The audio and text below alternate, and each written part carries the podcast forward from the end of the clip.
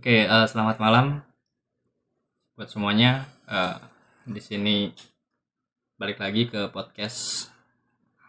Di sini gua Apung. Eh, kebetulan malam ini jam setengah dua malam. Ini ada teman-teman gue nginep kayak biasanya.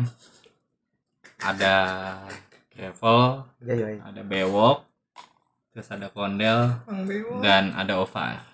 Nah, di podcast kita malam ini rencananya kita mau bahas seputar cinta dan juga sedikit eh, tanya jawab tentang dunia Islam. Ini kita akan mulai eh, sesuai dengan kapasitas kita masing-masing ya jawabnya apa adanya apa adanya. Oke. Jadi kita mulai aja langsung Gravel. Permasalahan cintanya itu ada di sosok Gravel. Oh, Oke, Pung. Jadi gini, Pung. Jadi eh selama gua pedik apa jalan deketin cewek itu pasti ujung-ujungnya ketemunya yang tidak seiman. Jadi sebagai not saya tuh beragama Kristen Protestan. Dan apa eh, sering mungkin teman-teman sekalian sering mengalami juga ya di luar sana. Atau pernah ngalamin sendiri juga mungkin yang sama seperti saya ketika mendekati atau PDKT lah gitu. Eh, kok beda nih terus ya gimana ya kita udah kejebak suka sama suka gitu ibaratnya nah gimana pong kira-kira hmm. suhu. Suhu. suhunya ya. Suhu romansa. Suhu romansa. Jeng jeng. Oke, jadi gini. Sedikit gua kenalin si Gravel nih. Ah, ini salah satu temen gua. wes. Teman Nih. lawas. temen kerjaan ya dulu kalau dan kita teman udah lumayan lama udah deket juga. Dan kebetulan memang gue juga banyak juga teman-teman yang non muslim kita juga sering main bareng juga gitu kan. Main apa dan kelereng main kelereng. Jadi sebetulnya gue udah lumayan tahu banyak sih kisah percintaannya si Gravel. Dan memang selama ini kendalanya adalah di agama. Jadi beda agama gitu Pak ya? Betul padahal gue udah nasihatin berapa kali Nah. untuk cari yang seiman. Nah gitu. LDR terjauh ya bang ya. LDR terjauh. Oke. Jadi tadi gue mau nyampein sih Pak, kalau selama ini kan lu bingung gitu ya kenapa setiap lu pacaran selalu dapatnya non muslim Hmm. eh sorry muslim Mu- gitu kan. Nggak seiman. Ya ini menurut gua ya. Hmm. karena kalau lu dibilang lu udah mencari yang non muslim Hmm. itu juga sudah dilakukan. Sudah dilakukan. Tapi ternyata hasilnya selalu dapet yang muslim. Gue tau lah usaha-usaha lu selama ini udah lo lakuin. usaha usaha. Namanya juga usaha kan macem-macem udah PCS gitu. video call syariah. Hmm, betul betul kalau syariah. Jadi gini. Video call solawat jadi kalau di agama muslim nih Val, Hmm. Ada yang kita sebut namanya hidayah hidayah betul hidayah itu kayak semacam ini menurut pemahaman gue ya kayak Hmm. semacam petunjuk buat orang-orang tertentu Hmm. yang di luar non muslim Hmm. bisa juga di dalam muslim sih di muslim juga ada yang dapat hidayah tapi ini kalau khusus kasusnya di luar non muslim biasa mereka mendapatkan hidayah petunjuk gitu ya untuk eh ibaratnya menemukan jalan yang yang yang menurut menurut Islam itu benar gitu hmm. gitu. Sedangkan kalau kita ngomong di luar konteks non muslim, menurut gua ini adalah suatu bentuk uji keimanan lo. Jadi sebetulnya lu sampai sejauh mana sih iman lu tuh diuji melalui wanita-wanita muslim ini? Hmm. Apakah lu akan tergoda kayak gitu loh? Apakah lu akan pindah keimanan seperti itu loh? Hmm. Ini kayak semacam ujian dari eh, agama lu, kepercayaan lu sampai sejauh mana tingkat keimanan lu. Sebetulnya itu itu bisa dua hal yang lu sikapin maksudnya lu bisa dari ambil sudut pandang yang eh, dari agama lu atau dari agama gua. Kayak gitu. Jadi menurut gua sih kembali lagi sih Val gua kalau di Islam setahu gua itu kita nggak boleh tuh kayak maksain. Hmm, gua selama ini kan kalau ngasih pendapat ke lu kan nggak pernah gitu ya kayak maksain udah berarti lu kudu masuk Islam. Nggak gitu kan. Hmm, gue selalu bilang wanti-wanti Val ini tuh ujungnya endingnya kita udah tahu Val gitu. Cuman lagi-lagi ketemu kasusnya selalu ketemu dengan yang muslim selalu hmm. ketemu yang muslim gitu kan.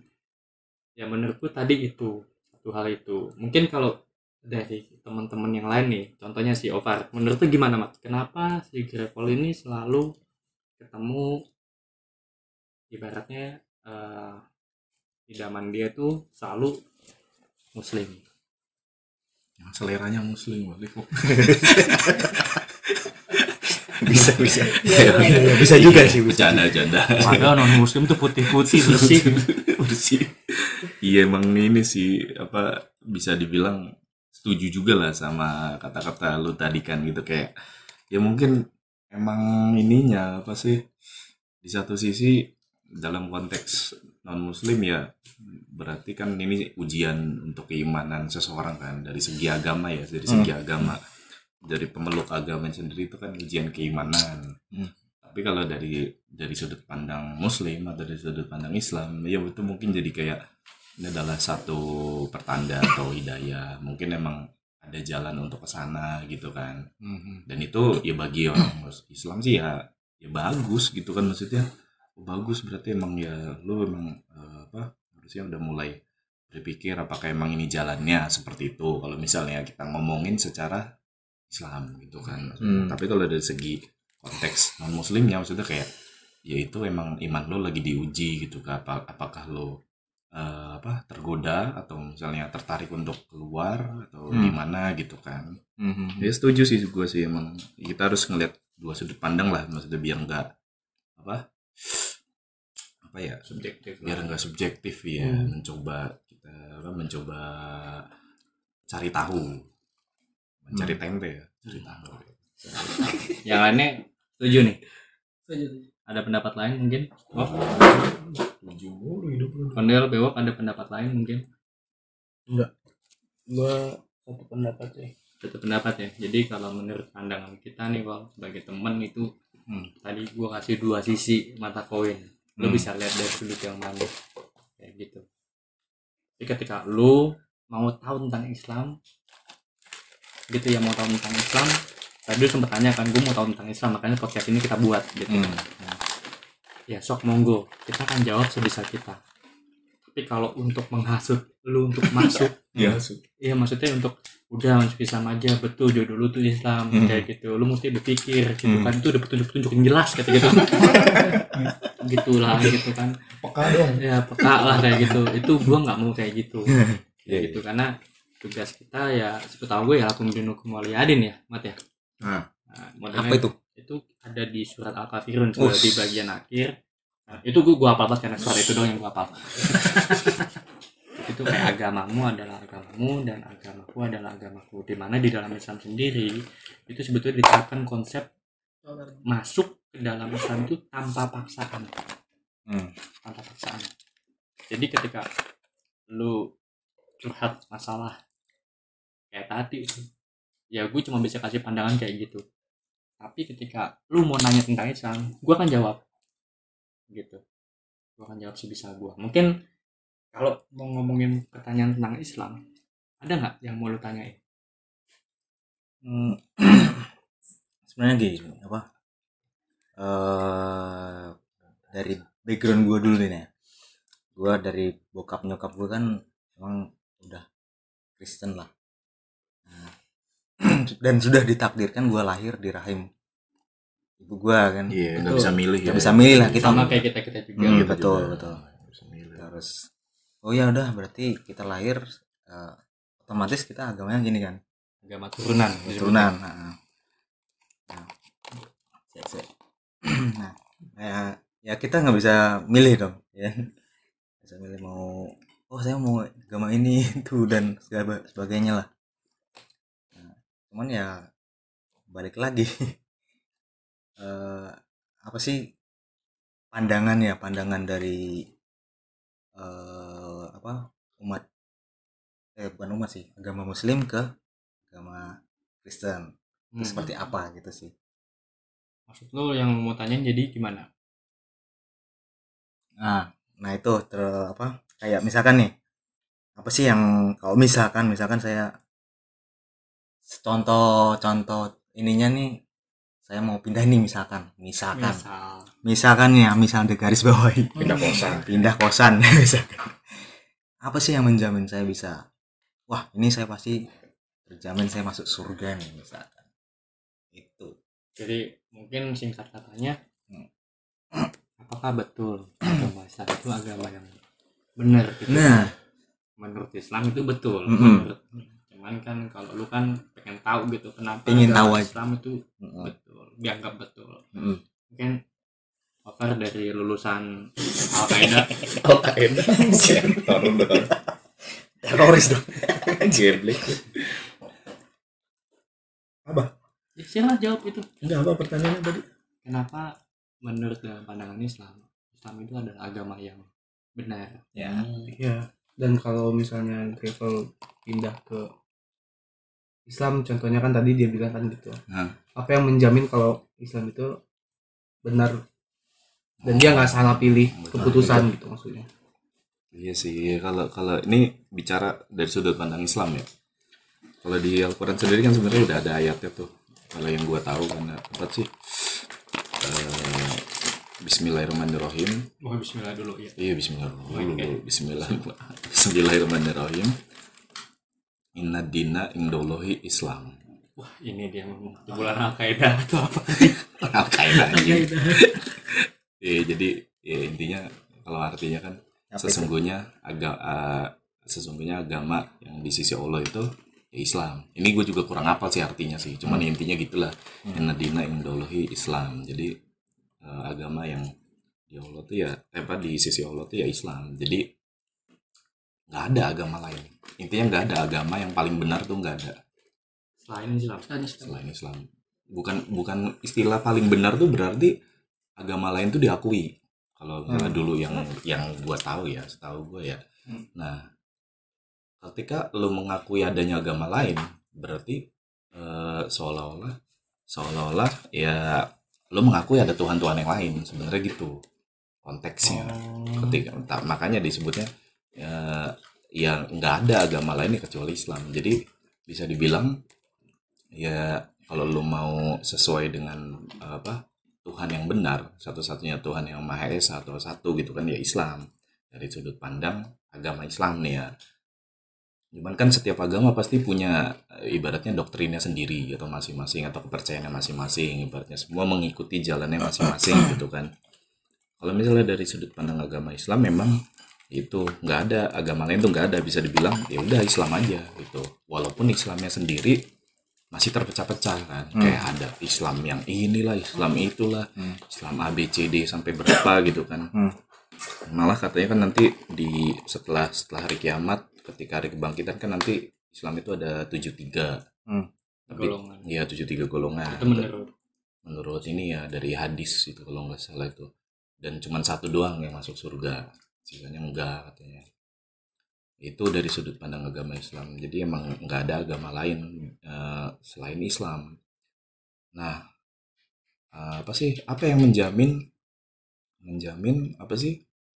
Menjamin masuk surga ya? Hmm, Iya. hmm. agak susah sih emang sih. Karena ketika lo ngomongin Islam berarti lo juga bertakwa pada Tuhan atau pada Allah Eh, dan lo juga harus eh, bertakwa itu kan berarti lo harus menjalani menjalani perintahnya dan menjauhi larangannya. Kan itu udah udah kayak definisi simple lah. Padahal itu apa Jabaran eh, prakteknya eh, luas. perintahnya mana aja larangannya mana aja itu kan banyak lagi anaknya kan. Nah gitu. Baik lagi ke sifat orangnya Iya, yang balik lagi ke sifat orangnya. Memang ya gitu, kalau misalnya lo udah masuk Islam itu udah satu langkah eh, jalan kebenaran ibaratnya. Hmm. Di dunia sendiri sebenarnya banyak kok yang mainin agama. Ada ada cewek yang yang masuk Islam cuman biar pacaran doang. Eh enggak cewek yang keluar yang murtad keluar dari Islam buat pacaran doang. Begitu putus dia balik lagi ke Islam. Ada kayak gitu. Ada juga. Jadi dunia ini emang luas kok. Maksudnya banyak orang yang kayak mikir agama tuh kayak cuman buat mainan doang tuh ada kok. Maksudnya enggak enggak emang enggak apa sih? Ya luas gitu dunia tuh. Ya mungkin ada yang lebih parah dari itu ya maksudnya. Hmm. Dan emang bener juga nggak ada paksaan dalam Islam tuh berarti yang tadi disebut apung kalau emang Islam sendiri sebenarnya nggak nggak nggak pernah memaksa seseorang untuk masuk Islam. Hmm. gitu. Nggak nggak pernah kayak kan ada ayatnya itu ya gue penggalannya dong ya gue inget ya yang la ikroha fiddin tidak ada paksaan dalam agama gitu. Hmm. jadi ketika Al-Quran nyebut adin tuh atau agama tuh ya udah itu Islam doang yang disebut la ikroha fiddin tidak ada paksaan dalam agama. Jadi kalau emang sejarahnya sih dulu memang ada kaum yang diperangin gitu. Kan makanya itu emang sebenarnya jadi sebenarnya konflik kontroversial. Maksudnya bukan konflik topik kontroversial. Karena kenapa? Kalau nggak ada paksaan tapi kok dulu ada perang di Islam? Iya. itu kan kayak jadi bertolak belakang kan. Tapi emang dulu ada sejarahnya. Maksudnya kita juga nggak hidup di masa lalu kan kayak "Ya, dulu kenapa sih? Gitu apa cuman karena apa di apa janjian terus nggak datang terus dianggap apa munafik apa gimana gitu kan. Banyak kok maksudnya secara sejarah panjang banget itu. Ini bisa nyampe sejam kalau bahas nanti. Oke. intinya gitulah ibaratnya kalau dari sudut pandang Islam yang gua tahu ya. Oke. Kalau eh, mungkin dari lu itu ya Mat ya? Secara garis besarnya. Mungkin yang tadi disampaikan sama si Ovar mungkin tambahan nih gue juga pengen tahu dari Kondel ya gue tahu sebut dalam apa sih lu tahu tentang Itu kan udah jabar semua, jabar. ya enggak lu harus tahu punya pendapat lu nggak bisa begitu pendapat masing-masing lu pasti pendapat masing-masing biar kita juga di sini menggali pengetahuan kita sendiri tentang Hmm. agama kita gitu loh Oke. Oke? Dia Hah? Lu pertanyaan aja lupa. Pertanyaannya, apa yang menjamin yang travel ini masuk surga dan apa yang apa yang kenapa Islam itu agama yang paling benar? nah itu. Itu itu sih balik lagi ke yang tadi ya. Si Over tadi sebenarnya udah ngejabarin panjang banget. tapi itu udah enggak tapi itu udah salah satu jawaban dari apa? Kalau kita itu kan Islam ya maksudnya kan. Ya kalau untuk Islam jawabannya ya seperti itu maksudnya tadi. Cuman kalau teknik tadi masuk surga itu surga atau neraka itu baik lagi orangnya kan yang dibilang. Tergantung kita kayak yang tadi Over bilang kan kita sebagai muslim itu harus mentaati perintahnya dan menjauhi larangannya. Hmm. Nah kalau kita baik lagi kita kalau misalnya kelakuan kita nggak sesuai sama itu tadi, Hmm. ya kemungkinan kita bakal masuk neraka. Tapi Islam itu kan bukan tipe orang yang apa ya? Hmm. Ya pokoknya itu gitu.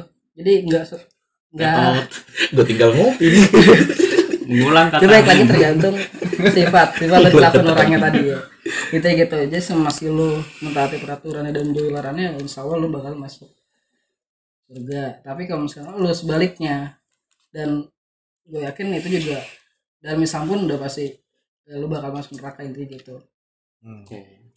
Lalu wok gantian wok. Silahkan dari bewok nih pandangan dari bewok. Kalau pandangan gua apa ya?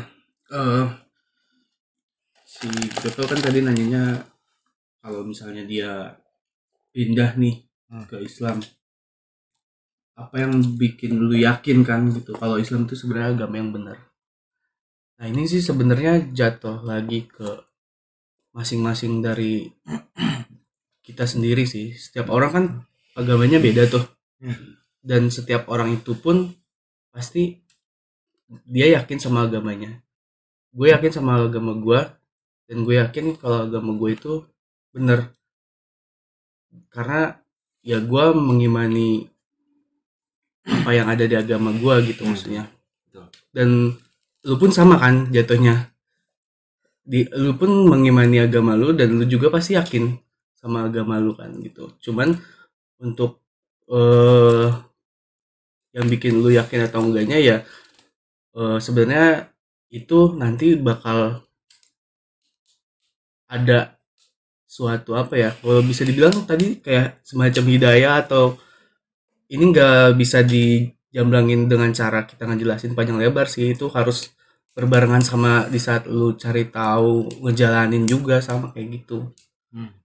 Menurut gue ya jadi nggak segampang itu kita ini loh Islam tuh gini pokoknya kalau lu masuk Islam tuh bakal masuk surga deh atau apa-apa gitu. Itu nggak semudah itu sih kalau menurut gue buat bikin orang yakin kalau misalnya Islam tuh jadi harus sambil lu jalanin juga dan lu bener-bener cari tahu kalau emang lu mau gitu. Oke. yang itu jawaban dari lu ya. Ya. nah kalau gua nih Nah, sudut pandangnya gua. Kalau gue sih gini sih Pak. Yang pertama kenapa agama Islam itu agama yang betul gitu Hmm, ya? Hmm. kalau lu tanya seperti itu gua harus cerita nih. Hmm. dan gua nggak bisa kapasitas gue juga nggak mumpuni dalam hal ini. Tapi ini kaitannya menurut gue dengan sejarah Islam itu berdiri juga. Jadi dirunut dari sejarah Islam itu berdiri. Siapa itu Nabi Muhammad? Kemudian bagaimana Islam berkembang sampai lu juga harus eh, tahu Al-Quran itu apa pertama gitu yang diyakini oleh umat muslim Al-Quran itu adalah wahyu dari Allah Subhanahu wa taala. Jadi itu bukan karangan manusia Hmm. gitu. Jadi apa yang tertulis di Al-Quran itu adalah pondasi kita, pondasi umat muslim. Gitu. Jadi kalau ditanya agama yang eh, berasal dari agama Islam, hal itu sudah ada di Al-Quran yang tadi si Alvar sebutkan ya. Yang tadi surat yang surat tadi lu sebutin itu yang sepenggal itu. soal nanya Nah, ketika itu sudah ada di Al-Quran, kami umat Muslim itu meyakini bahwa itu benar, satu kebenaran apa yang sudah eh, tertulis di Al-Quran. Hmm. Kalau hadis, jadi ada ada ada beberapa pedoman dari Muslim itu ada Al-Quran yang pertama, kemudian ada hadis, kemudian ada apa lagi mah? ya udah Nah, dua itu lupa dua itu. Nah, kalau hadis itu ada yang hadis sahih, ada ha- hadis eh, doif kayak gitu. gitu Doif itu kayak hadis palsu. banyak itu, sih itu pun banyak enggak ya. kalau kalau palsu lain lagi ada lagi Oh beda lagi ya. kalau lemah lemah doang Lemah. Nah tapi ketika hadis ini tidak kuat, kita Hmm. kembali lagi ke Al-Quran. Nah di Al-Quran sendiri disebutkan yang tadi Over sampaikan. Sama halnya kami Muslim percaya, eh sorry sama halnya ketika lu percaya apa yang tertulis di Injil. Hmm. Betul nggak? Alkitabnya. Nah, di Alkitab. Jadi kalau tanya agama Islam kenapa agama yang benar? Kita hanya bisa, gua hanya bisa eh, kasih masukan, lu harus baca tentang sejarahnya agama Islam itu berkembang juga. Hmm. Kemudian ya itu sudah tertulis di Al-Qur'an. Nah, kembali lagi ketika lu tanya, apakah ketika gua masuk muslim, eh masuk menjadi seorang muslim, terus lu bakal masuk surga? Jawabannya nggak tahu, Gak tahu. nggak ada yang jamin. Nah, orang muslim aja belum tentu masuk surga, Hmm. gitu loh. Maksudnya gini, bukan belum masuk surga ya, maksudnya ya tentu belum iya belum tentu gitu loh. Jadi sama halnya kayak di lu. Kalau gue kembalikan ke lu, apakah semua orang Kristen masuk surga? Jawaban lu apa? Cukup gua. beda Eh, sih. Iya. Kalau kita sih mengimani. Iya. Ada yang taat, ada yang ada taat, yang ada yang enggak. enggak. Nah, Iya. Sama halnya Sama ketika lu masuk muslim. Hmm. Jadi kalau masuk muslim tidak sesuai lu langsung masuk surga. Iya. Tapi memang ada eh, aturan-aturan yang dijalani seperti lu menjalani aturan-aturan di agama non muslim. Hmm. Nah, ketika lo melakukan itu, ya insya Allah lo masuk surga. Kalau gue sendiri pribadi, semua orang mengharapkan surga gitu. Kalau gue Betul. sendiri sih simpel aja sih. Gue gue cuman hidup yang yang ngarepin ridhonya aja. Masalah nanti itu surga gue dapat atau mungkin di emperannya doang atau Hmm. ya kayak gitu. Hmm. Ya lo walam gitu. Seenggaknya gue udah coba eh, berusaha hidup seperti yang diperintahkannya gitu. Walaupun sepenuhnya gue juga bolong-bolong kayak gitulah Hmm. kalau dalam segi sholat segala macam. bukan tapi bolong gitu. sih Iya, emang iya. Ya, bolong sih bukan, itu bolong. ya begitulah Intinya gitu. tapi dalam hal tadi gue bilang tapi sekedar lu ketahui juga ada keuntungan ini bukan bukan lagi ini ya bukan lagi ini kalau di muslim gue info doang. Ketika lu masuk masuk ke agama Islam Hmm. itu dosa-dosa yang lu sebelum di Islam itu dihapuskan betul nggak sih iya iya. Itu ada di itu hadis atau apa ya? Gue lupa tapi Nah, tapi, tapi- emang itu lumayan umum sih. Hmm, lumayan umum. Tuh Hmm. itu semua dosa lu yang ketika lu non muslim itu dihapuskan. Jadi lu seperti bayi yang terlahir kembali. Mau lagi tapi ketika, ya, tapi ketika lu emang bukan Islam kayak kan yang contoh terkenal kan pamannya Nabi kan. Itu kan bukan Islam tapi ngebantu Nabi terus gitu kan. Itu nggak dihitung. Pahala Hmm. nggak dihitung pahala. Karena bukan Islam. Iya itu ya lumayan kontroversi. Maksudnya emang bener emang belum masuk Islam atau gimana gitu kan.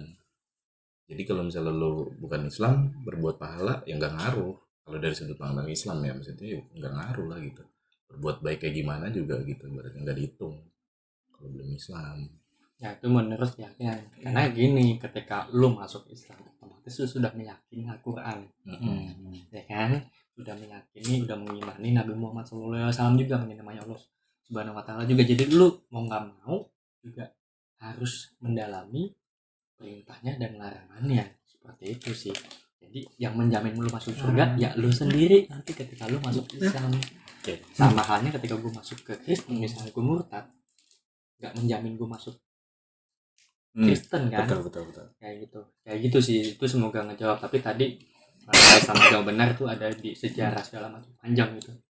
Oke lanjut mungkin oke. ada lagi. Sebenarnya gue mau nanggepin ya? Oke siap. Nanti. Iya boleh. Berarti eh, gak ada alasan khusus yang bisa menjamin lah ibarat tergantung orangnya. Dijamin di Al-Quran masalah yang agama Islam benar. Nah, nah, ada tuh syairnya Krisya tuh yang bagus tuh. Yang Betul. jika surga dan neraka tak itu. pernah ada. Nah. akankah apa sih? Gue lupa. Kalau masih menyembahnya. Iya itu Oh. itu dalam sih itu itu, dalam tuh Iya, sebetulnya. itu yang gue bilang tadi juga. Tapi kan Hidupnya- di sini kan eh, posisinya lu kayak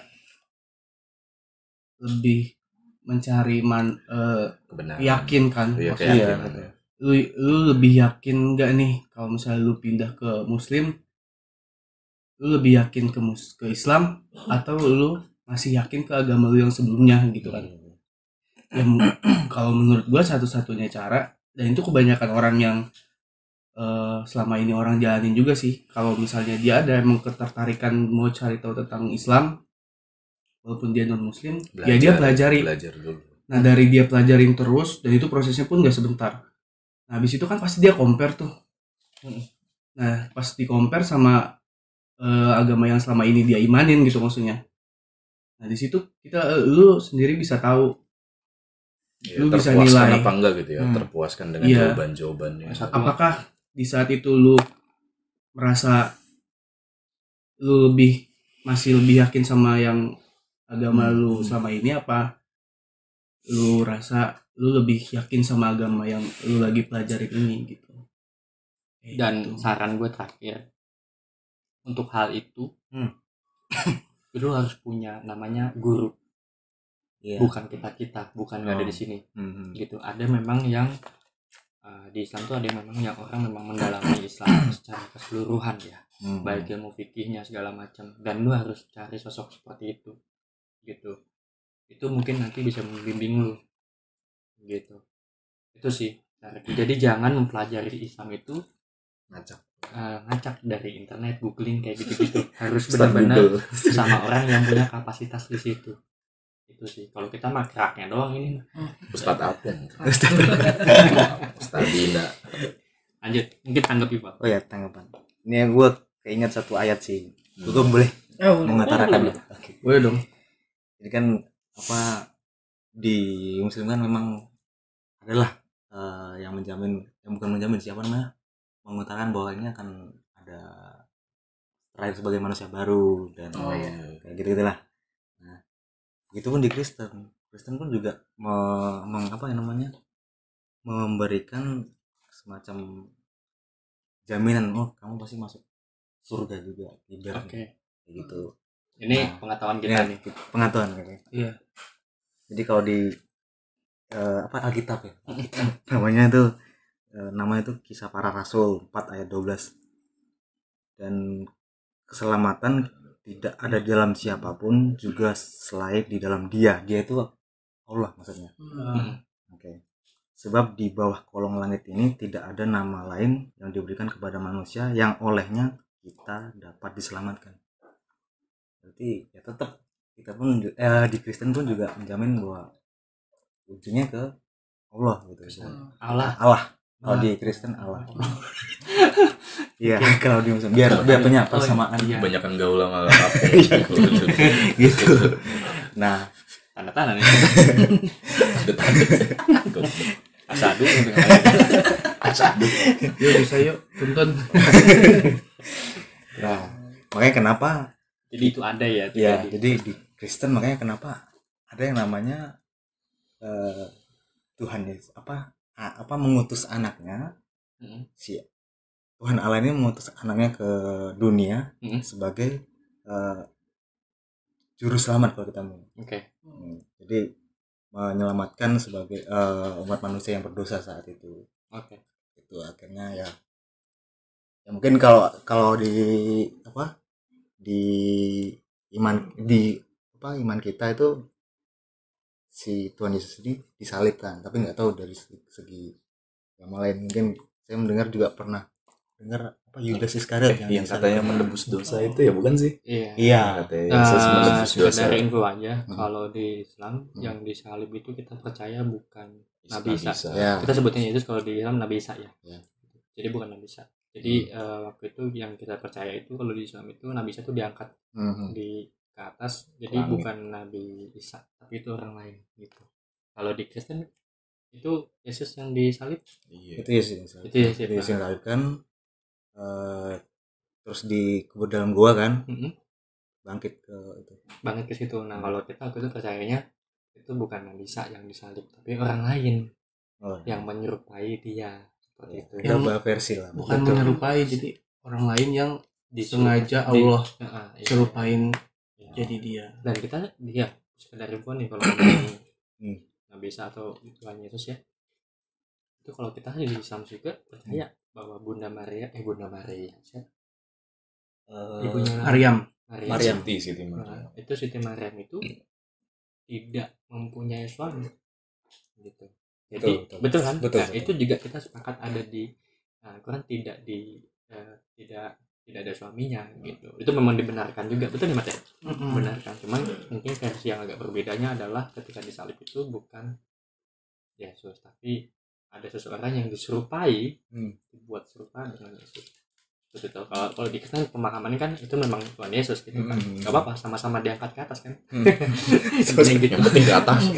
yang penting nanya Lantai berapa? Oke lanjut lah ini kita sharing aja ya iya sharing aja obrolan obrolan sersan sersan serius tapi santai Eh, apa lagi pertanyaannya tadi tuh lagi yang Saya- saya- mungkin lo mau Oh, iya. tanyakan? kalau di Kristen tuh meyakini eh, kita menikah itu nantinya tuh eh, sampai mati lah. Maksudnya sampai cerai mati.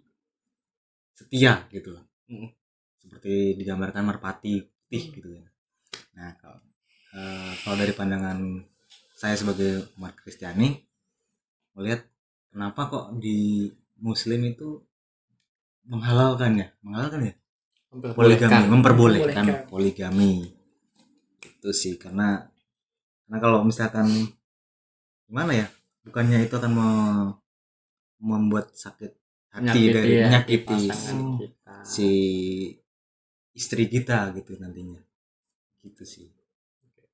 Bagaimana? Siapa yang mau nanggapin ini ini kalau skip lagi ini enggak ini Parah sih. Suruh pulang. Pak. jawaban lu jawaban kopas lu. Apa sih gabung cuma di kopas? Dia lagi googling dulu. Ada waktu googling. coba nanya ya nah gua agak mendukung poligami ini Iya baik lagi sih ini cerita tentang Nabi Muhammad ya. hmm. Jadi emang dulu itu Nabi Muhammad kan yang kita tahu tuh beristri banyak, Hmm. beristri banyak. Cuman ada orang beberapa orang salah kaprah tentang gue copy paste kan ondel aja deh. ada beberapa orang yang salah kaprah tentang Hmm. cerita ini ya. Nah, kenapa mereka bilang nikah banyak itu di diperbolehkan ya? Sebenarnya keadaan sih. Ini baik lagi ke keadaan. Jadi waktu itu Nabi Muhammad itu memperistri awalnya itu Khadijah ya. Hmm. Memperistri Khadijah itu kan di umur 28 nggak salah. 25 Eh 25, eh 25. Nikah siapa? 25 nikah Siti peristiwa Khadijah DJ di umur 25 dan sampai akhirnya Siti Khadijah ini meninggal dan memperistri Aisyah. Gue nggak tahu yang kedua siapa. Yang kedua nggak tahu sih antara Aisyah juga lihat anaknya sendiri Aisyah, Aisyah bukan. bukan. Anak bukan. Istrinya. Istrinya Aisyah Istri. itu Siti Aisyah. Siti Aminah siapa? Ibunya. Ibunda nah, ini lu ngulang lu SD lu. Ibunda jadi gitu. Tapi karena ini udah meninggal lah jadi si Khadijah ini udah meninggal dan memperistri Aisyah. Dan pas memperis- memperistri Aisyah ini emang agak apa agak lama di sini. Agak lama dan Nabi Muhammad itu di menikahi lagi wanita-wanita yang lainnya. Dan gue juga agak lupa sih istri-istri yang lainnya. Tapi ini dalam kondisi apa ya bisa dibilang janda janda. Mm, karena eh, istri yang lain ini tidak mampu. Hmm. tidak mampu terus eh, apa ya lebih ke tidak mampu janda terus tidak bisa menafkahi lah ibaratnya gitu. Jadi Nabi Muhammad itu membantu atau mengangkat derajat-derajat wanita-wanita yang sebelumnya tadi. Nah itu. Jadi kebanyakan orang tuh mikir oh boleh dong nikah lebih dari empat lebih dari tiga. Baik lagi ke kondisi awalnya niat lu apa? Tujuan lu apa untuk memperistri orang lain gitu? Apa niat lu mengangkat derajat orang itu? Atau karena hawa nafsu? Atau karena emang apa ya? Lu sanggup gitu. Dalam artian sanggup itu adil lah. adil. Adil. Nabi Nabi Muhammad itu adil dengan istri-istri yang lain pun adil walaupun dia lebih lama hidup dengan Aisyah. Gitu, gitu sih Oke. Next mungkin dari bewok bewok bewok. Bewok, Bewok. romance bewok. Ahli cinta wanita. Ini lep. Sebenarnya nggak jauh dari kondel sih paling gue ngelengkapin aja. Kalau setahu gua sama. Jadi yang emang dulu tuh zaman dulunya zaman nabi itu eh, beristri itu lebih dari satu. Tapi nggak bisa disamain kayak sekarang. Jadi emang tergantung dari niatnya itu loh. Kalau pas dulu itu zaman nabi kan memperistri banyak itu salah satu alasannya udah disebut tadi itu yang emang dia angkat derajat eh, seorang wanita tersebut yang emang eh, layak untuk di peristri gitu. Dan eh, Nabi Muhammad pun memperistri eh, para wanita itu bukan karena nafsu. menghindari. Tapi karena dia mau membantu orang itu juga kayak gitu. Terus emang kan banyak juga anaknya. Jadi kan eh nambah apa ya eh apa sih? Kalau bisa dibilang rezeki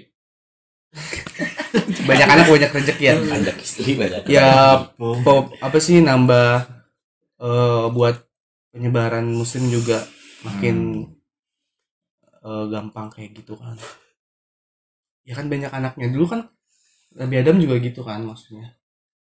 Maksudnya yang jauh amat. Kok jauh sih Nabi Adam? Enggak bukan Nabi Adam Nabi siapa ya? Gue lupa deh. Semua anak Nabi ada iya kita semua ya ya pokoknya intinya gitu. Kalau dulu kalau sekarang kan jatuhnya beda lagi. Sebenarnya kalau sekarang pun itu susah. Nabi Muhammad pun mau memperistri pun semua di, di- diizinin sama istri-istri yang sebelumnya kayak Hmm. gitu.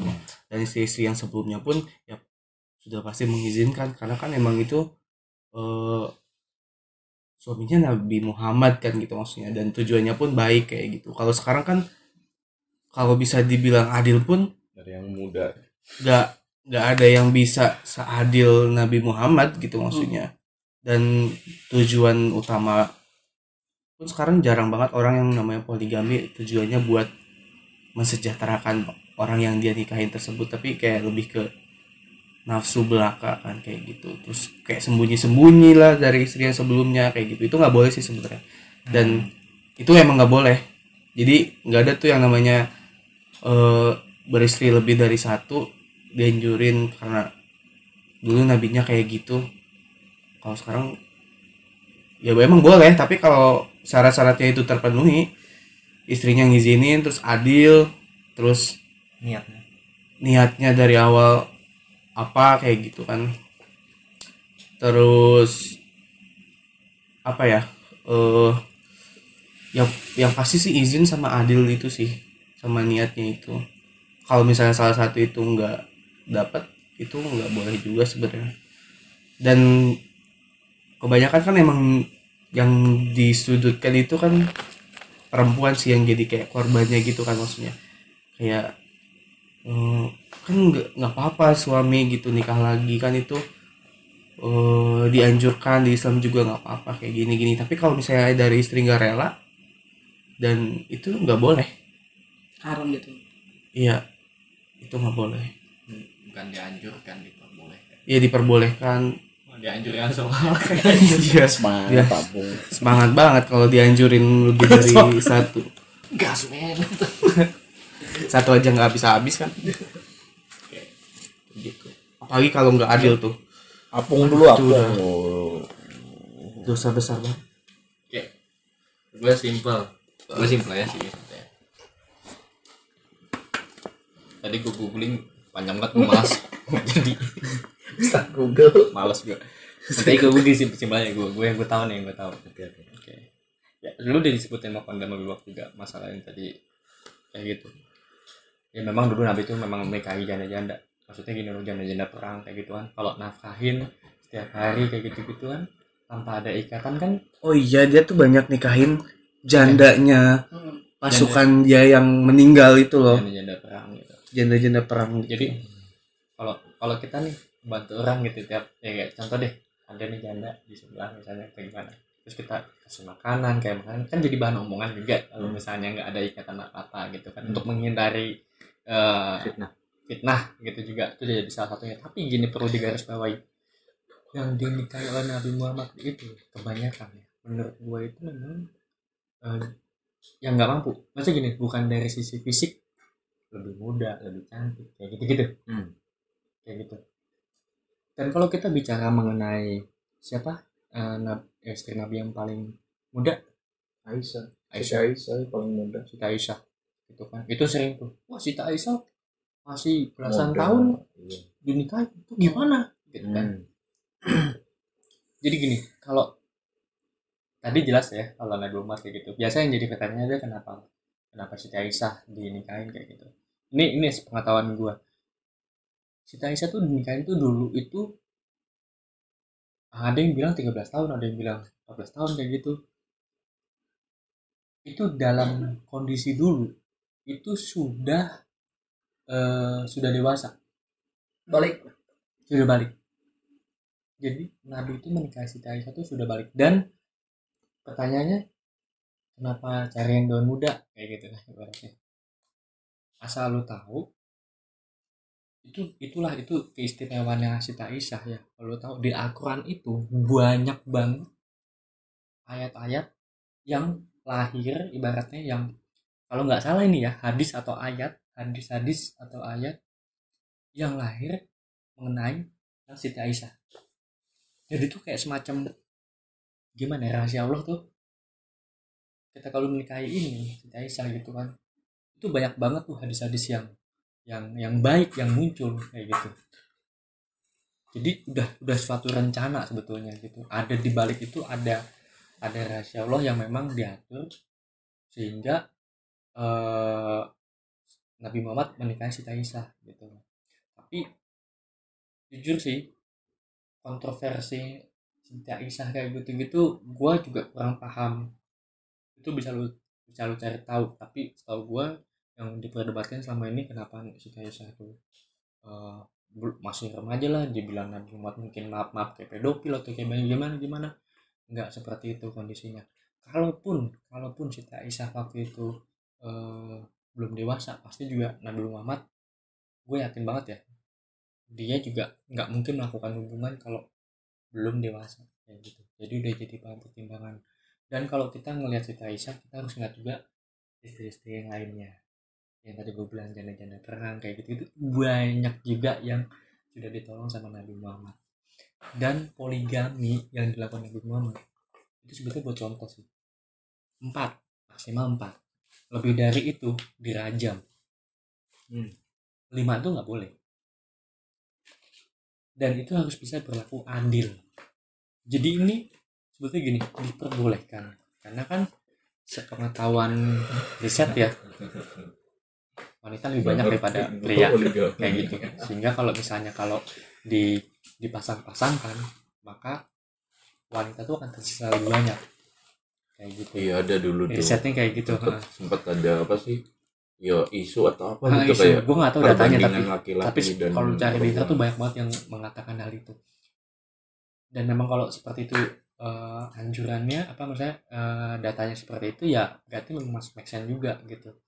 Tapi lagi-lagi di di Islam sendiri aturan poligami itu ketatnya seketat banget. Banyak orang yang sekarang melakukan poligami yang tadi gue bilang berdasarkan diperbolehkan jadi dia lakukan walaupun aktualnya ya Allah alam ya mungkin ada yang adil ada yang gimana gimana tapi kalau yang kita lihat istrinya pada muda-muda muda semua. Nggak ada tuh yang jadi janda yang kayak maaf udah tua kayak gitu gitu Hmm, jadi motifnya beda gitu motifnya beda. Dan gue nggak tahu itu itu itu gimana cara pandangnya walau alam itu penilaiannya yang di atas kayak gitu.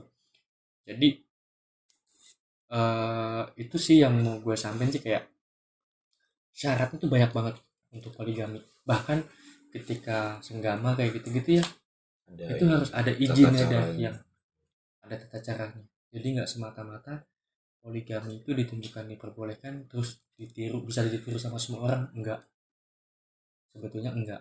Karena tujuannya Nabi Muhammad dulu poligami bukan nafsu tapi membantu mulia gitu tujuannya gitu. Mungkin sekarang banyak disalahartikan dan kalau tadi lu bilang di agama Kristen itu kalau nggak salah ya pernikahan agama Kristen itu eh, mengikat kamu adalah jodohku sampai mati. Kalau nggak salah gitu ya? Ya until Iya. apa gitu. An- Sering di ya kayak bahasa Indonesia gitu kan. Hmm. hidup mati kita akan selalu bersama kayak gitu seolah mengikat tapi jangan salah. Di Islam nggak ada tuh omongan omongan ada kali janji pernikahan. Iya om kayak ijab kabul. Hmm. kayak gitu.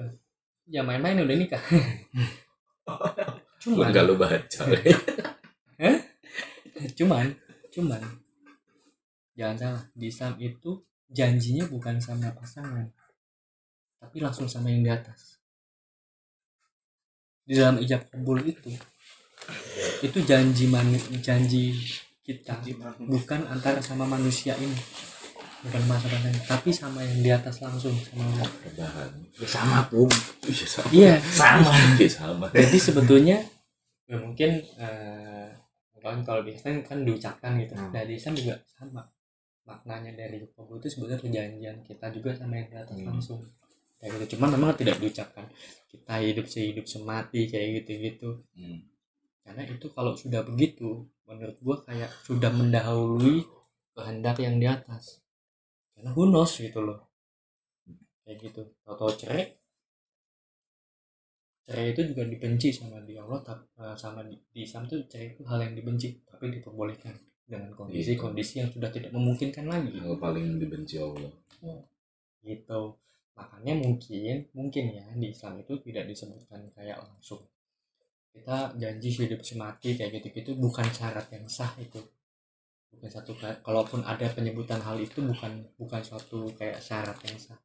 Karena lagi-lagi itu lebih kayak ke janji kita sama Allah bahwa kita akan coba untuk menjadi eh, pasangan yang baik gitu. Jadi lebih ke situ sih kalau menurut gua. Jadi di sana pun ada gitu. Kayak gitu. Itu. Coba mat kalau gitu tambahin mat belum nikah. Gua nggak mau ngomong. Ya Iya. kayak gitu doang. Tapi gue coba ngelihat dari sudut pandang ini sih. Kalau gravel kan ngelihat dari sudut pandang apa?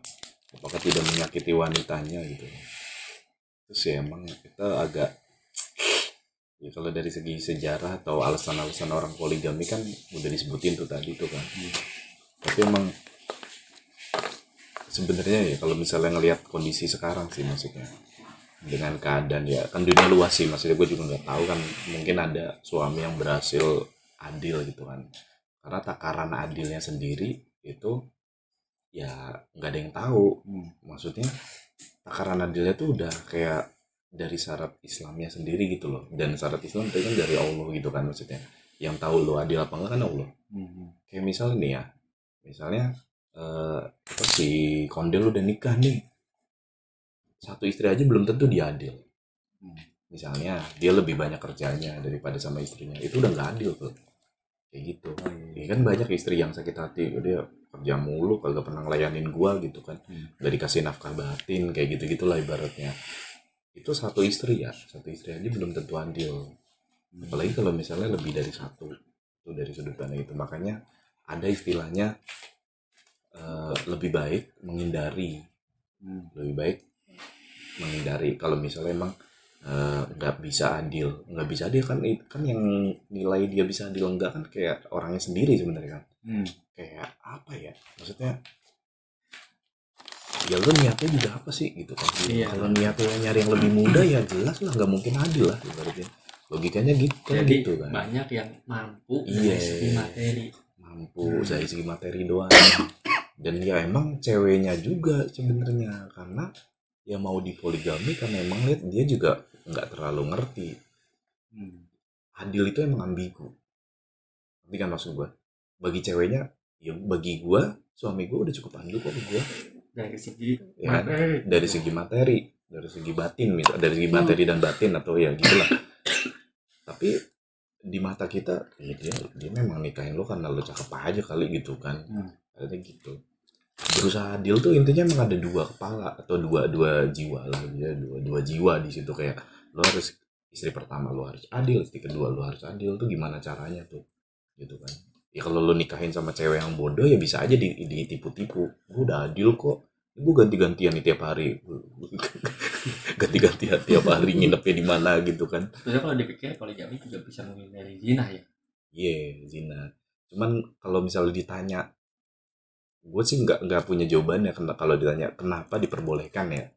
Tapi kalau ditanya eh, syaratnya, maksudnya dari segi adilnya itu itu emang udah valid sih kalau daripada lu apa eh, istilah resiko lah resiko ada ketidakadilan ya ngapain lu poligami logikanya gitu gitu kalau lu nggak merasa cukup adil lebih baik menghindari Iya. Emang di Islam tuh banyak kok kalau tentang perempuan ya. Perempuan itu banyak maksudnya kayak banyak aktivis perempuan mungkin maksudnya kayak mempertanyakan gitu kayak oh Islam kok peraturannya gitu amat ya gitu. Banyak banget yang nggak berpihak ke perempuan. Padahal di Al-Quran sendiri ada loh surat Wah. khusus perempuan. surga di bawah telapak kaki Iya. itu apa sih hadis apa patah Hadis, hadis. Hadis. Betul. jadi sebenarnya di di Al-Quran juga banyak banget wanita tuh selalu Dimuliakan. dimuliakan jauh lebih daripada manusia sebetulnya Tapi banyak ya itu maksudnya Dan manusia lebih daripada pria. Banyak. Bukan manusia dong berarti. Tapi emang banyak juga peran maksudnya eh, hukum-hukum yang memang kayak seolah-olah merugikan perempuan. Kayak kalau misalnya yang gua tahu nih cowok misalnya nih cowok kalau misalnya istrinya meninggal itu boleh nikah lagi. Tapi kalau cewek suaminya meninggal itu nggak boleh nikah lagi sebenarnya bukan boleh atau nggak boleh sih gue pernah nggak boleh. gue pernah dengernya lu kalau misalnya masa bid'ah kali tiga bulan. Iya mungkin kalau secara hukum sih eh, enggak ini bukan bukan boleh nggak boleh sih tapi cowok kalau meninggal istrinya nih lu lu Masa nikah nikah? lagi nih nanti di surga tuh Oh, dipertemuin iya? sama semua. Di, Hmm. di dipertemuin sama semua istri lo tapi kalau cewek cewek nih terus suaminya meninggal dia kalau nikah lagi nanti di surga ketemunya sama yang terakhir oh gitu? Ada. Itu gua gua gue lupa sih. Tapi mungkin kalau misalnya di dicari tahu mungkin ada sih apakah itu hadis palsu atau lemah atau emang sorry gue gue nggak inget juga. Tapi ada itu kayak istri makanya banyak cewek yang milih janda. Karena saking cintanya ke ke lelaki. Atau mungkin karena dia emang bener-bener beriman pada Allah dan dia pengennya di surga ketemunya sama dia. Tapi Itu bukannya kalau di Islam itu cowok-cowok nanti kalau yang beriman dapat bidadari itu juga eh, emang itu jadi kontroversi juga kayak kenapa sih. kenapa ja- janjinya itu di surga tuh dapat bidadari? Betul. Kan itu kayak merendahkan perempuan. Itu banyak yang banyak juga yang mempertanyakan. Itu kan kayak emang orang Islam tuh otaknya mesum semua apa ya kayak ngincernya? Nggak ada kan yang ngincer gue pengen masuk surga biar minum alkohol. Nggak ada. Hmm. gue pengen masuk bidadari itu banyak. Iya Tapi ada lagi yang Ditemani. kayak misalkan lo istri lu misalkan soleha terus nurut perintah suami. Berarti jadi istri bener lah ya kan menurut Islam. Dan itu kalau misalnya di surga nanti insya Allah tuh istri lu nanti cantiknya bakal ngelebihin bidadari kayak gitu. Iya. Hmm. iya itu ada yang nanya kenapa nggak ada bidadara? Nggak ada nggak ada perempuan. Maksudnya laki-laki nggak ada yang laki-laki. Bidadara kan laki-laki kan bidadara Jadi si cewek. cewek itu dapat bidadara banyak gitu ya? Ya nggak ada kayak gitu kan. Karena itulah- dia yang jadi bidadari. Ya, karena sebetulnya itulah yang kenapa si cewek itu lebih mulia. Dia lebih dimuliakan sebetulnya ketimbang pria. Karena buat cewek itu ya satu pria gitu loh. Iya. itu kenapa kenapa kenapa dia lebih mulia gitu? Karena yang berhak itu ya hanya suaminya bukan bidadara bidadara itu. Itu kayak derajatnya diangkat di situ juga gitu. Kenapa cewek kok nggak ada cowok cewek cowok cowok dapat bidadari kita nggak dapat pramugara gitu misalnya. Pramugara. Apa? Bidadara. Oh iya. Pramugara. Biar kok gitu gitu kan. Ya, karena itu tadi. Allah tuh mengangkat derajat cewek. wanita kalian tuh nggak di nggak ya ibaratnya rendah banget bukan gitu rendah ya. Kalau cowok cewek cewek dapat cowok cowok banyak dari surga. Itu kayak bedanya maaf sama pelacur gitu. Iya apa bedanya? apa bedanya wanita wanita sama pelacur? Nah, kayak gitu loh. Banyak banget cowok apa cowok cowok gitu. Makanya tuh diangkat lah derajatnya bahwa kamu kamu mendapatkan suami kamu yang soleh. Banyak sih ya gitulah popel maksudnya. Emang kelihatannya merendahkan. Tapi sebenarnya kalau orang yang benar mempelajari ya maksudnya ini juga gua rasa sih kayak ustadz ustadz cere maksudnya ustadz ustadz yang kayak kemarin sore tuh ya taunya bidadari bidadari doang. Tapi kalau udah yang kayak tinggi ilmunya pasti udah udah lewat. Kayak ngiler sama bidadari tuh gak ada istilahnya ngiler sama bidadari karena banyak sih yang ngajarinnya kayak gitu kayak nanti kamu dapat bidadari gitu kayak teroris itu lah Iya, teroris kan janjinya kayak gitu kan. bawa nih bom kayak gitu Iya. Gue gue makanya sempat mikir gitu, kenapa lebih eh, banyak ya orang alasannya pengen bidadari daripada orang pengen di surga minum alkohol. Hmm. Padahal katanya kan di surga nanti Bebas. ada sungai alkohol kayak gitu kan. ada emang Ada. Amer cuma Jack D enggak karena gini sebenarnya gini Emang mindset sih, alam ya mindset juga alam ya sebenarnya gini Eh, Allah alam itu maksudnya hanya Allah yang tahu Story nih. Sejarah mau apa oh ngomong enggak enggak walau enggak alam. enggak enggak enggak, enggak, gini di surga kita kita ngomong Pertama kita- kali. enggak kita kita kita ngomong ngomongin ngomongin surga apakah kita masih memiliki nafsu katanya nafsu Itu- yang tapi ada loh nafsu ceritanya. yang kok. seperti itu Oh, tapi ada ceritanya loh. Ya maksudnya kalau gue gue pernah baca-baca yang nggak tahu nggak jelas cerita Hmm. gitu kan kayak nanti kita tuh tenaganya ditambah gitu. iya iya gue tahu gue ada tuh, ada. Iya, lah, ada cerita kayak gitu bro. gitu-gitu Nanti tenaganya ditambah kalau misalnya di surga. Iya, bisa kita gue mesum juga. Lagian kata sebenarnya gini sih, kalau nggak salah kalimat itu ditemani lebih dari oh ya, ditemani ditemani ya belum tentu begitu gitu loh. Lagi juga kalau ketika kita ke surga, apa kita bakalan mesum terus kayak wah aku mohon udah dari Iya. Atau ingat mantan gitu ya. Mantan gue mantan. masuk surga.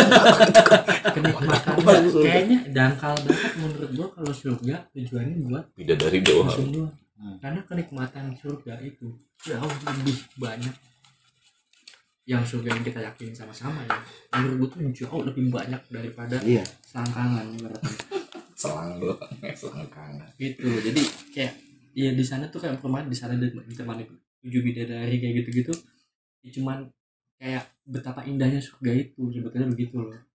Betapa Hmm. indahnya surga itu tanpa harus memikirkan kita kayak ada sungai alkohol segala macam kita kita bakal mabuk-mabuk teparan sana kayak gitu kan makan kacang minum rokok mabuk kayak gitu Gak ada rokok, weh, gak ada api di surga. Nggak ada kayak gitu Ada rokok, gak ada korek.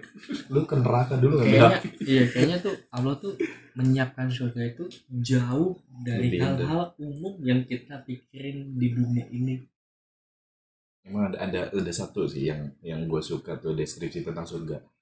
Itu hadis sih kalau nggak salah. Jadi di surga itu adalah hal-hal yang belum pernah kita lihat, belum pernah kita dengar, Betul. belum pernah kita cium, belum pernah kita bayangkan. Nah, gua ngelihat maksudnya kayak film-film segala, terus kayak cerita-cerita juga kayak ya melampaui itu. Jadi kayak kita juga nggak bisa bayangin sih intinya. nggak bisa bayangin karena gini perumpamaan perumpamaan yang di ada surga kayak sungai mengalir kayak gitu-gitu ya itu Iya. adalah perumpamaan yang supaya orang itu kan Allah tuh mau Bahasa bicara manusianya bahasa aja. manusia yang ngerti dong jadi orang tuh ada gambaran bahwa surga itu indah Iya, tapi apakah akan ada surga seperti itu menurut gua di surga tuh hal-hal yang jauh Bikin- melampaui bayangan jauh melampaui itu gitu. jauh kita nggak tahu namanya itu apa gitu. Yang paling saking ininya sih. Kan ada tuh danau al kausar lo minum sekali udah nggak usah lagi. Ya, terus apa gunanya minum dalam hati gue kan? Sebenarnya Jadi, intinya saking kayak rasanya tuh udah di atas nalar kita udah ya udah nggak bisa gitu. Nggak bisa apa nggak bisa kebayang aja. Iya. ini kan kembali ngomongin tadi ya maksudnya Iya. kenapa ya, gue sih nangkepnya kenapa cewek tuh direndahkan sih yang dari pertanyaan lu nih ya Hmm. bukan kayak eh, boleh nggak sih kita poligami? Karena gue nganggapnya emang itu kan eh, kita harus memuliakan wanita gitu kan. Kok malah disakiti hatinya gitu. Memang banyak peraturan yang kelihatannya kayak merendahkan. Padahal Al-Quran sendiri nggak ada surat ar- arijal ya laki-laki nggak ada. Ada ada. surat tentang Anissa perempuan. Anissa. Lebih dimuliakan juga. Dimuliakan ya gitu sih ya, ya apa adanya ya pelihara kerak doang kan Ustaz iya kerak doang kata mah Ustaz itu yang kita tahu gitu Iya sih nanti nyari mantan di surga tuh mantan gua masuk surga. surga. udah jadi bidadari belum? Kayak masuk surga aja. ya menurut gue ya kayak lah gitu gue yakin kenikmatan paling paling paling paling mentok ya. Udah level mentok. Level mentok itu ketika bukan kita lagi di surga sih tapi ketika kita udah kembali ke asal kita ke nur kita bisa ada depan sama Next dong. Nur.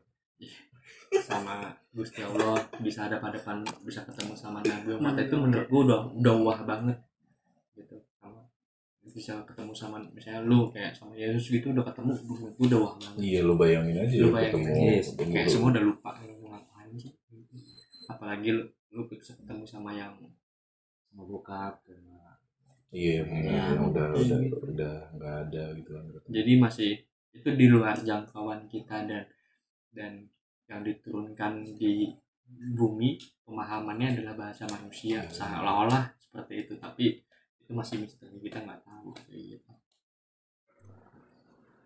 oke Val. Yang tadi udah kejawab ya. Ah. nah ini mungkin pertanyaan selanjutnya nih. Hmm. ada lagi yang mau tanyain mengenai? Gini sih bang. Apa? Gue sebenarnya agak sedikit bergejolak juga sih ya. Dari menurut gue ya kayak apa yang gue imani sekarang. Em, apa ya di agama gue juga meyakini bahwa kalau kita pun eh, pasti akan eh, ada ada jaminan yaitu Yesus Kristus yang menjamin kita masuk surga. Cuman ya Eh, kalau bisa ya kalau bisa bisa nggak sih kalau pernikahan tuh eh, beda agama gitu? Jadi saya tetap dengan pendirian saya sebagai Kristen dan calon istri saya nanti itu adalah eh, tetap pendirian sebagai Muslim. Gitu sih. Em, ya kita nggak tahu sih kita berpikir sebagai secara manusiawi kita nggak Hmm. eh, apa ya nggak pikir ya pastikan kita tetap akan menjaga dan membawa pernikahan itu secara baik-baik gitu. intinya kita semuanya ujungnya baik. Semuanya akan ya itulah. Oke. Itu pung gimana pendapat lu? Oke, jadi ini sih bagus ya menurut gue. ya. Semua agama tuh baik. Hmm. Semua agama tuh baik. Wah, menurut gue semua agama tuh mengajarkan kebaikan, nggak ada yang ngajarin kejahatan sebetulnya. Nah, tapi ini kalau tadi kan lu sempat nanya di awal kan apa jaminan lu, apa jaminan gue masuk eh, Islam terus itu benar terus Islam tuh agama yang benar terus juga gue bakal masuk surga karena sebetulnya di agama lu juga hal yang sama juga ada Betul, diutarakan betul. juga gitu kan maksudnya di sini kan eh dalam artian kalau pasangan lu ini si siapa sih namanya sih namanya itulah ya, ya.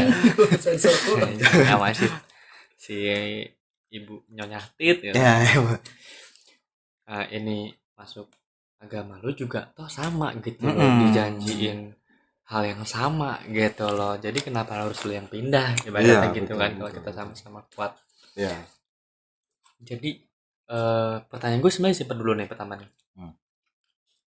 gue mau tahu dong ini sharing ya hmm. kalau di agama yang lu anut Hmm. pernikahan beda agama tadi lu nanya itu kan Hmm, pernikahan hmm, beda hmm, hmm. agama pernikahan beda agama itu gimana sih pandangannya gue mau tanya itu dulu deh Hmm. nanti setelah itu baru gue jawab nah, untuk di versi Islamnya pandangan Islam mengenai beda agama pernikahan itu bagaimana oke itu dulu oke oke jadi ini nambah pengetahuan kita juga nih Hmm. Secara garis besar, garis bawah ini ya. Sebenarnya pernikahan di bawah eh, di di berbeda agama itu sebenarnya tidak diperbolehkan. di agama Kristen tidak boleh. Ya eh intinya ya nggak boleh karena apa namanya eh Oh, eh, gindel. Del, kopi kopi itu. udah matang di depan Yes. Sebenarnya nggak boleh karena ya bisa dibayangin kalau misalnya kita beda agama nanti anaknya menjadi dibawa ke mana agamanya gitu. Ibaratnya itu ada ayat yang melarang Gua lupa, oke tapi ada. tapi ada ya Tapi ada. oke Itu sih. Intinya itu. Itu tidak boleh. Garis bawah nggak boleh. Cuman ya kita berpikir jangan jangan membawa jubah agama dulu deh. Mm. Kita sebagai manusia nih, namanya manusia kan pasti ada nimbul rasa suka, sayang, cinta nih sama orang yang dia kasihi, dia apa yang dia suka lah itu. Nah, kembali lagi, jadi bisa nggak tuh? Sebenarnya nih, pertanyaan agak sedikit ngawur juga nih kalau menurut orang-orang di luar sana nih. Iya. Oke. Jadi sebetulnya sih jawabannya sebenarnya udah udah kejawab ya. Maksudnya di agama non muslim ternyata juga nikah beda agama nggak boleh. Tapi gimana pengusaha di gua di Jawa nih banyak yang nikah beda agama juga sebenarnya, Bu. Oh gitu. Nah, oke. eh, kalau menurut pandangan Islam nih ya. Oke, Mat silakan jawab. Wih, kapan lu dulu? Enggak, enggak, gue, gue, Nggak, nggak bisa Lu, gitu lu, dong lu. mas apa apa. nikah agak beda nanti nanti gue ini. Gue minum. Masalahnya gue nggak punya kisah cinta sih jadi. Promosi dia. saya, saya. Akun IG-nya Opar. Tete. Nikah beda agama ya. Di dalam pandangan Islam. Kontroversi sih emang sih. Di satu sisi ya emang gimana ya? Nggak boleh sih emang. Ada ayatnya? Ada ayatnya nggak di Al-Quran? Kalau ayat gue nggak ada. Nggak nggak tahu ya, bukan gue. tahu ya? Iya, gue nggak ada, gue nggak tahu soal. Tapi ada, seingat gue ada hadis kan kalau wanita tuh dinikahi karena empat. Gue lupa karena empat. Hartanya, Nih, hartanya, cantiknya, wajahnya, wajahnya, tahtanya, agamanya. agamanya. Tahtanya tuh gue lupa tahtanya apa emang keturunannya gitu gue lupa. Keturunannya. Keturunannya, Bukan keturunannya. Yang terakhir empat agamanya. Ya, Dan itu betul. dikasih dikasih tambahan ada tambahan kalau eh, apa nikahilah yang apa ya gue lupa sih kata-kata pasnya tuh intinya yang eh, yang membuat apa gitu? Aduh gue lupa deh. Searching aja dah nanti kalau pengen detailnya. Ada itu hadis pokoknya ada empat kriteria ada itu empat kriteria dia- itu. Boleh diulang tadi apa? Hartanya. Tanya ini, ini gue lupa ya Ah, susunannya juga gue lupa sih. Pokoknya intinya hartanya hmm. eh, wajahnya misalnya terus keturunannya bukan tahta Keturunan. keturunannya Hmm. sama agamanya. Ya. dan ada tambahan dan intinya se- secara secara subtle sih. Jadi nggak nggak langsung ngomong eh, pilih yang ada agamanya. Nggak gitu tapi ada sebaik-baiknya agamanya. Kayak gitu ya? Nggak inget gua. Seingat gua Sebaik-baiknya yang membuat agama. apa gitu. Yang mem- gue. yang membuat kamu apa gitu intinya gitu. Jadi kalau salah kalau tidak ada keempatnya kalau tidak ada keempatnya pilihlah. Hmm. ya eh, tapi salah satu pilihan itu ada agamanya. Jadi empat misalnya nih agamanya sama tapi dia nggak kaya nggak ini nggak ini ini. Oke okay nggak apa-apa. Nah tapi kalau misalnya oh dia cantik eh kaya gitu kan. Tapi agamanya beda. Itu nggak bisa. Nggak bisa. Hmm. kalau nggak salah ya ini harus ada si unsur agamanya ini juga. Enggak sih kalau Hah? Iya nggak sih? pemahaman gue mah nggak gitu sih. Nggak gitu? Pemahaman gue emang jadi intinya yaitu kalimat selanjutnya tuh gue lupa apa gitu kan intinya apa sih eh secara subtle bilang kalau misalnya ya lo harus pilih agamanya. Gitu. Karena ini secara subtle. Subtle. Subtle tuh kayak secara nggak langsung secara Oh. tersirat. Secara Oh. tersirat tuh intinya lo pilih agamanya.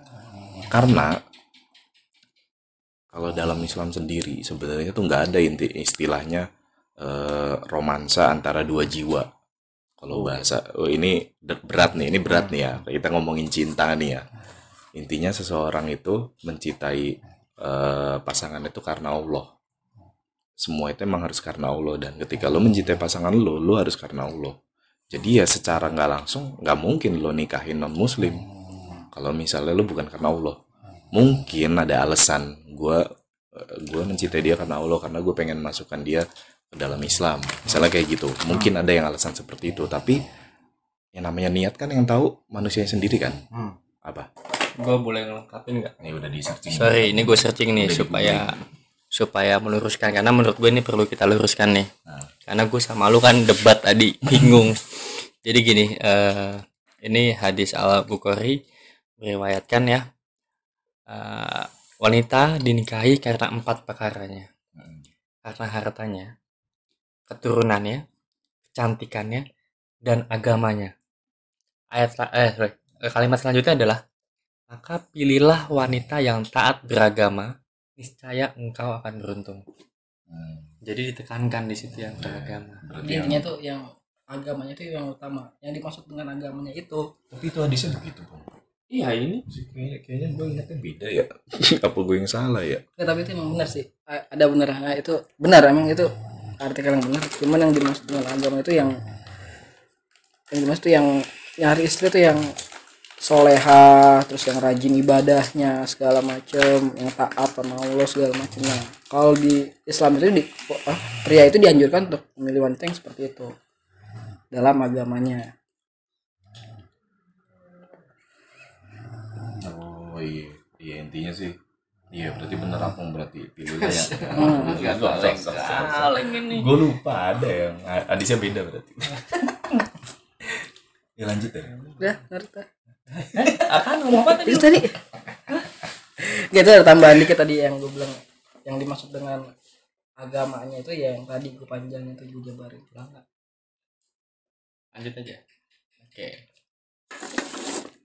Intinya ya gitu ketika ini ke romansa lagi. Jadi nggak ada kisahnya nggak ada istilahnya romansa dua insan dua jiwa. Kayak lu mencintai si ini karena lu merasa dia adalah eh, soulmate atau belahan jiwaku tuh nggak ada sebenarnya sebenarnya ya.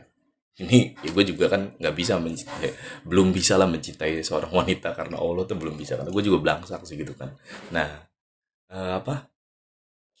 Ketika uh, seorang muslim ini kita ngomong sebenar-benar muslim ya bukan yang teman-teman lo ini yang gak kayak nah apa? Itu mencintai karena Allah karena Allah.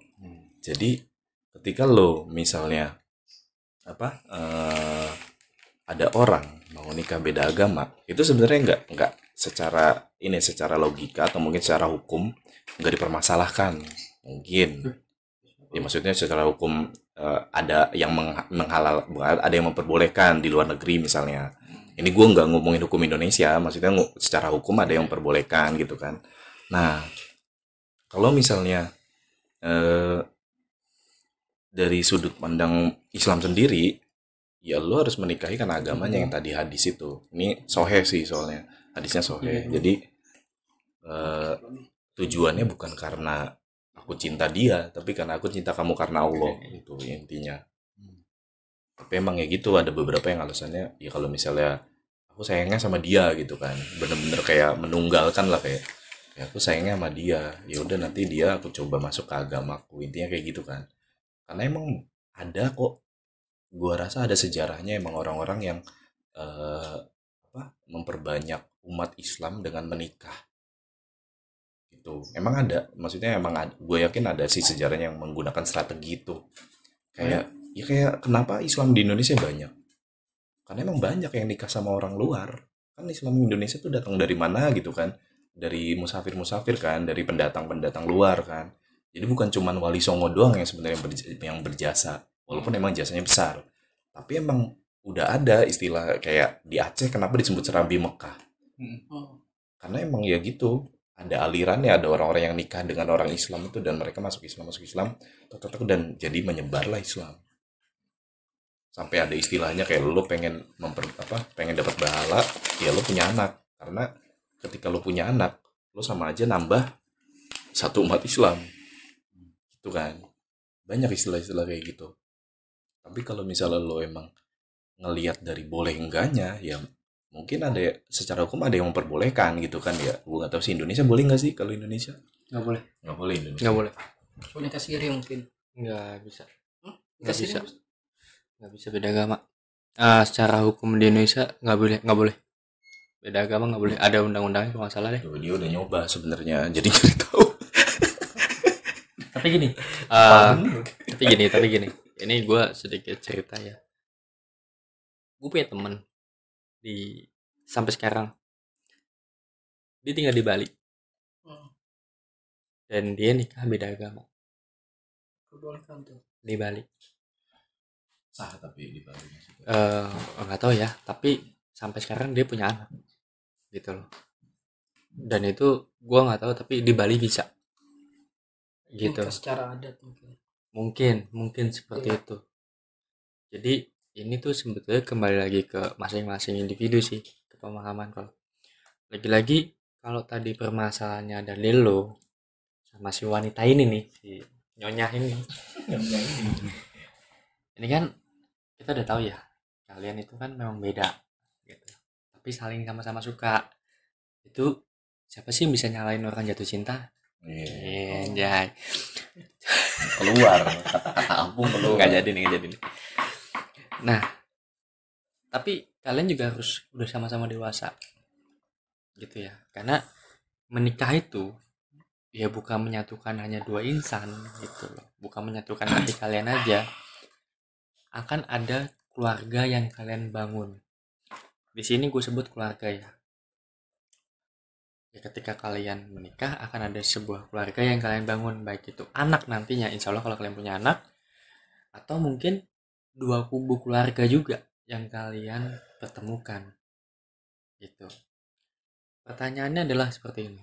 Ketika kalian memutuskan untuk menikah mungkin seperti yang temen gue lakukan ya. Mereka nikah dan sampai saat ini masing-masing masih menganut agamanya masing-masing. Gitu ya dan sudah ada si anak. Gitu. Dan sudah ada si anak. Si anak ini kan nanti tinggal ngikut sama siapa gitu kan. Hmm. ikut sama siapa? Ya bagi ya mungkin ngikut sama ibunya sama bapaknya. Kita nggak tahu.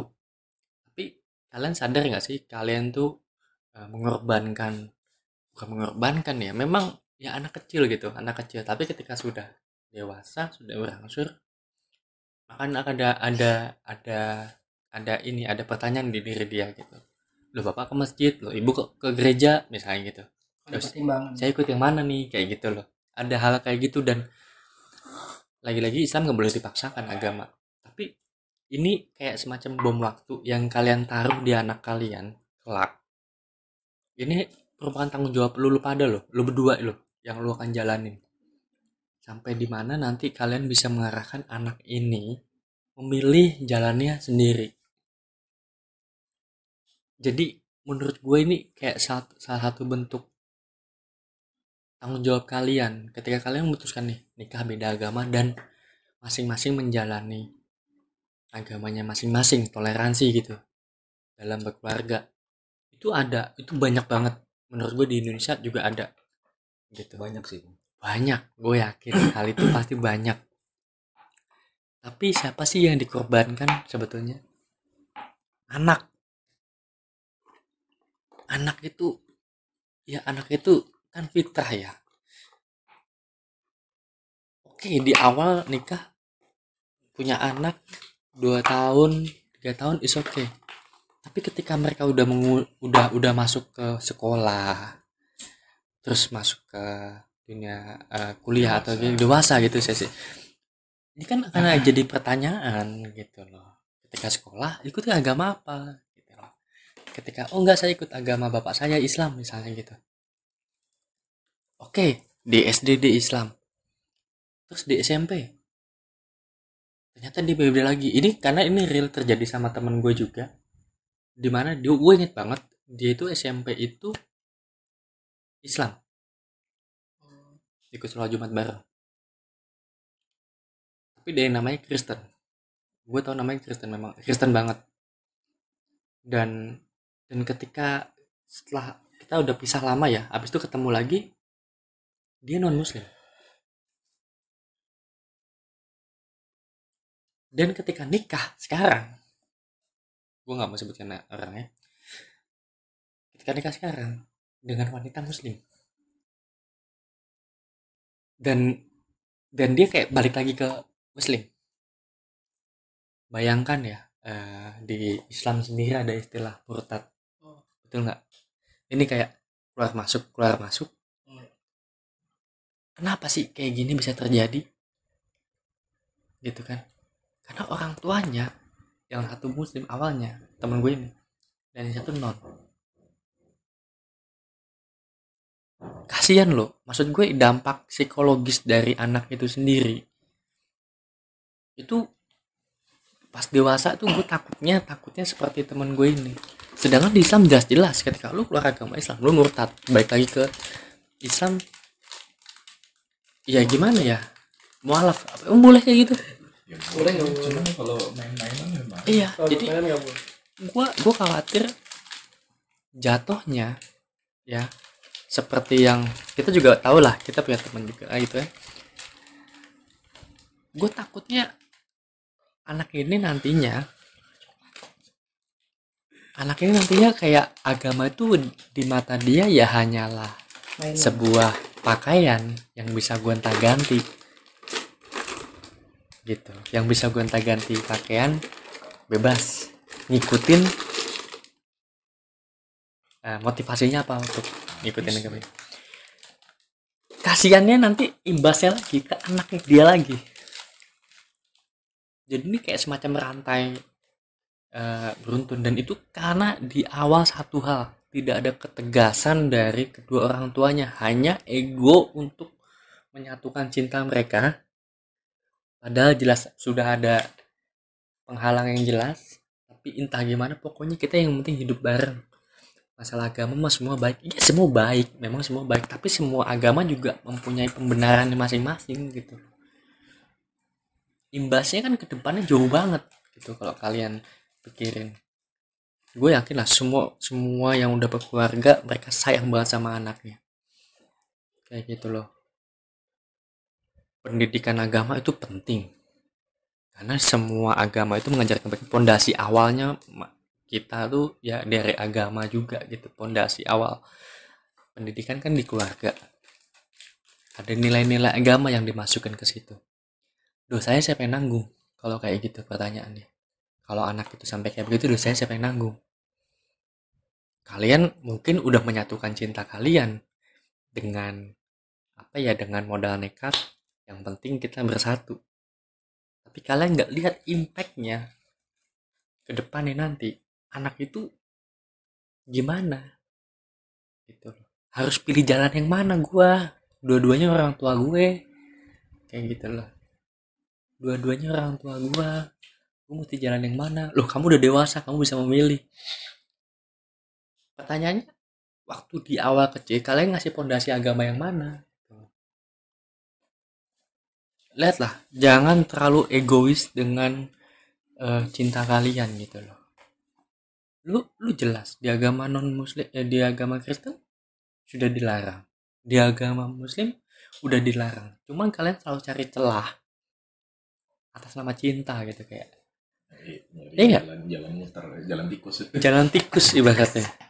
Jalan demi mementingkan ego kalian. Kalau kalian percaya jodoh itu dia udah diatur. Udah diatur. Dan kalau kalian memang terkendala di agama saya pilih aja. Kalian pilih keyakinan kalian atau cinta kalian? Sebetulnya dengan kalian sama-sama menikah kalau nanti kalau seandainya lu memaksakan untuk menikah beda agama secara langsung lu sudah mengkhianati agama lu sendiri dan yang si cewek juga sudah mengkhianati agamanya sendiri. Kenapa? Karena karena ternyata cinta kalian berdua itu lebih tinggi daripada cinta kalian sama Tuhan Tuhan kalian masing-masing. Ayo lo mampus petak apung keluar betul dong. Betul dong. Oh, oh. nah, nabi baru. Tapi baru. Lalu lagi corona. Jadi Aduh. ya kan? Apa apakah kalian seegois itu? Lord Apung.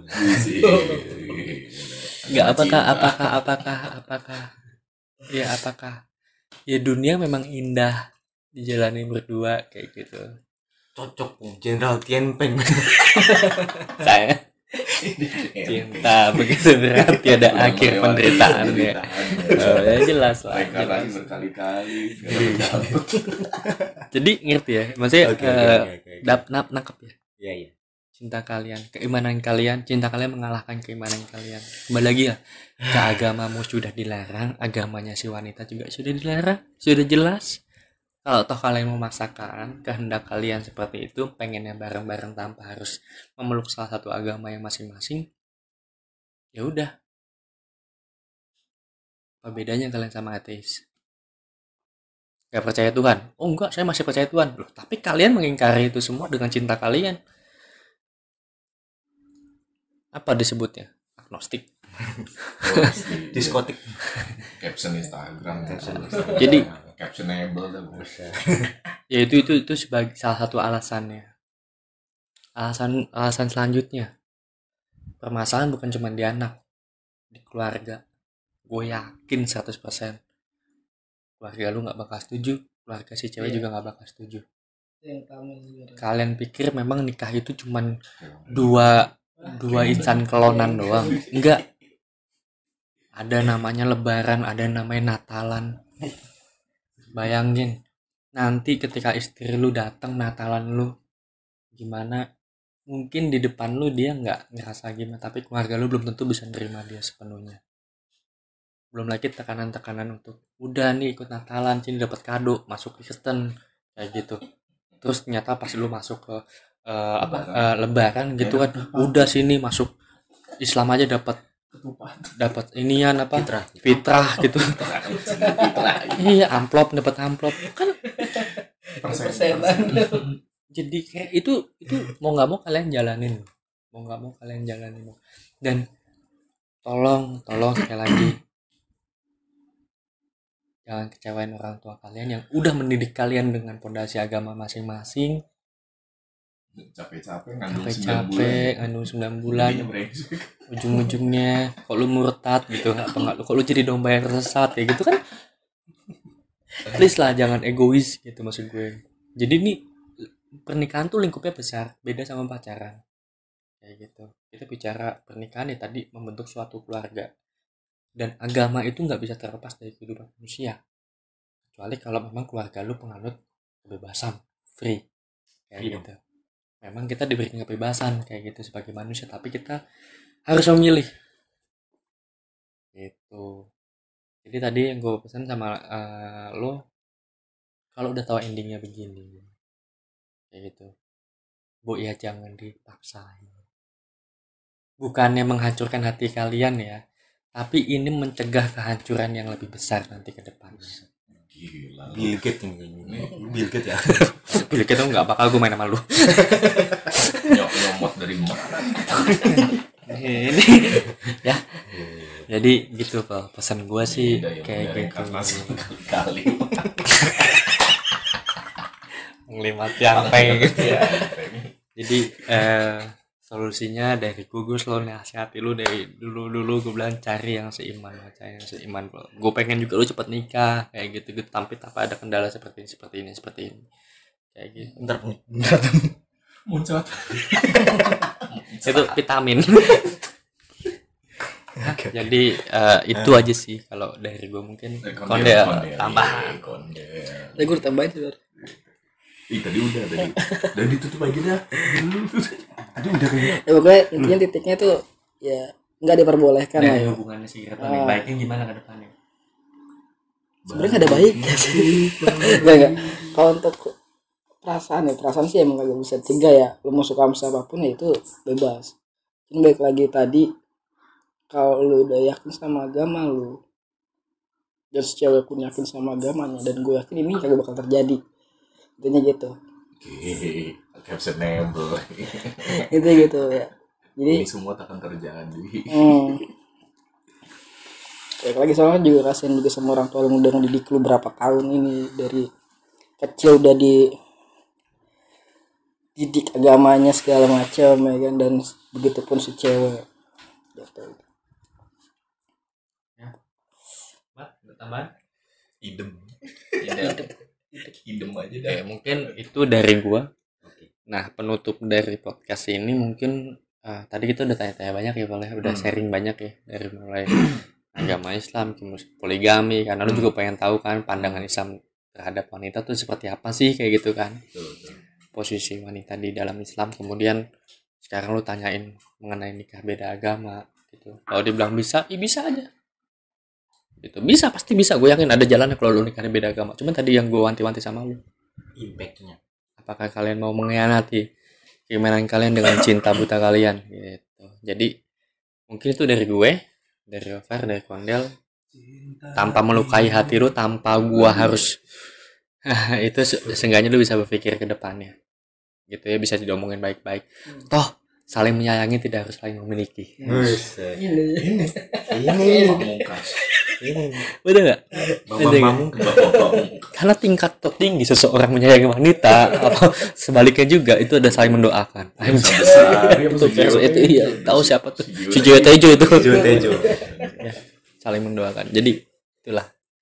Mungkin tanggapan dari lu nih terakhir nih abis itu kita closing. Menurut lu gimana sharing malam ini? seremoni ya. oke bagi gua ini kabar baik dan kabar buruk sebenarnya.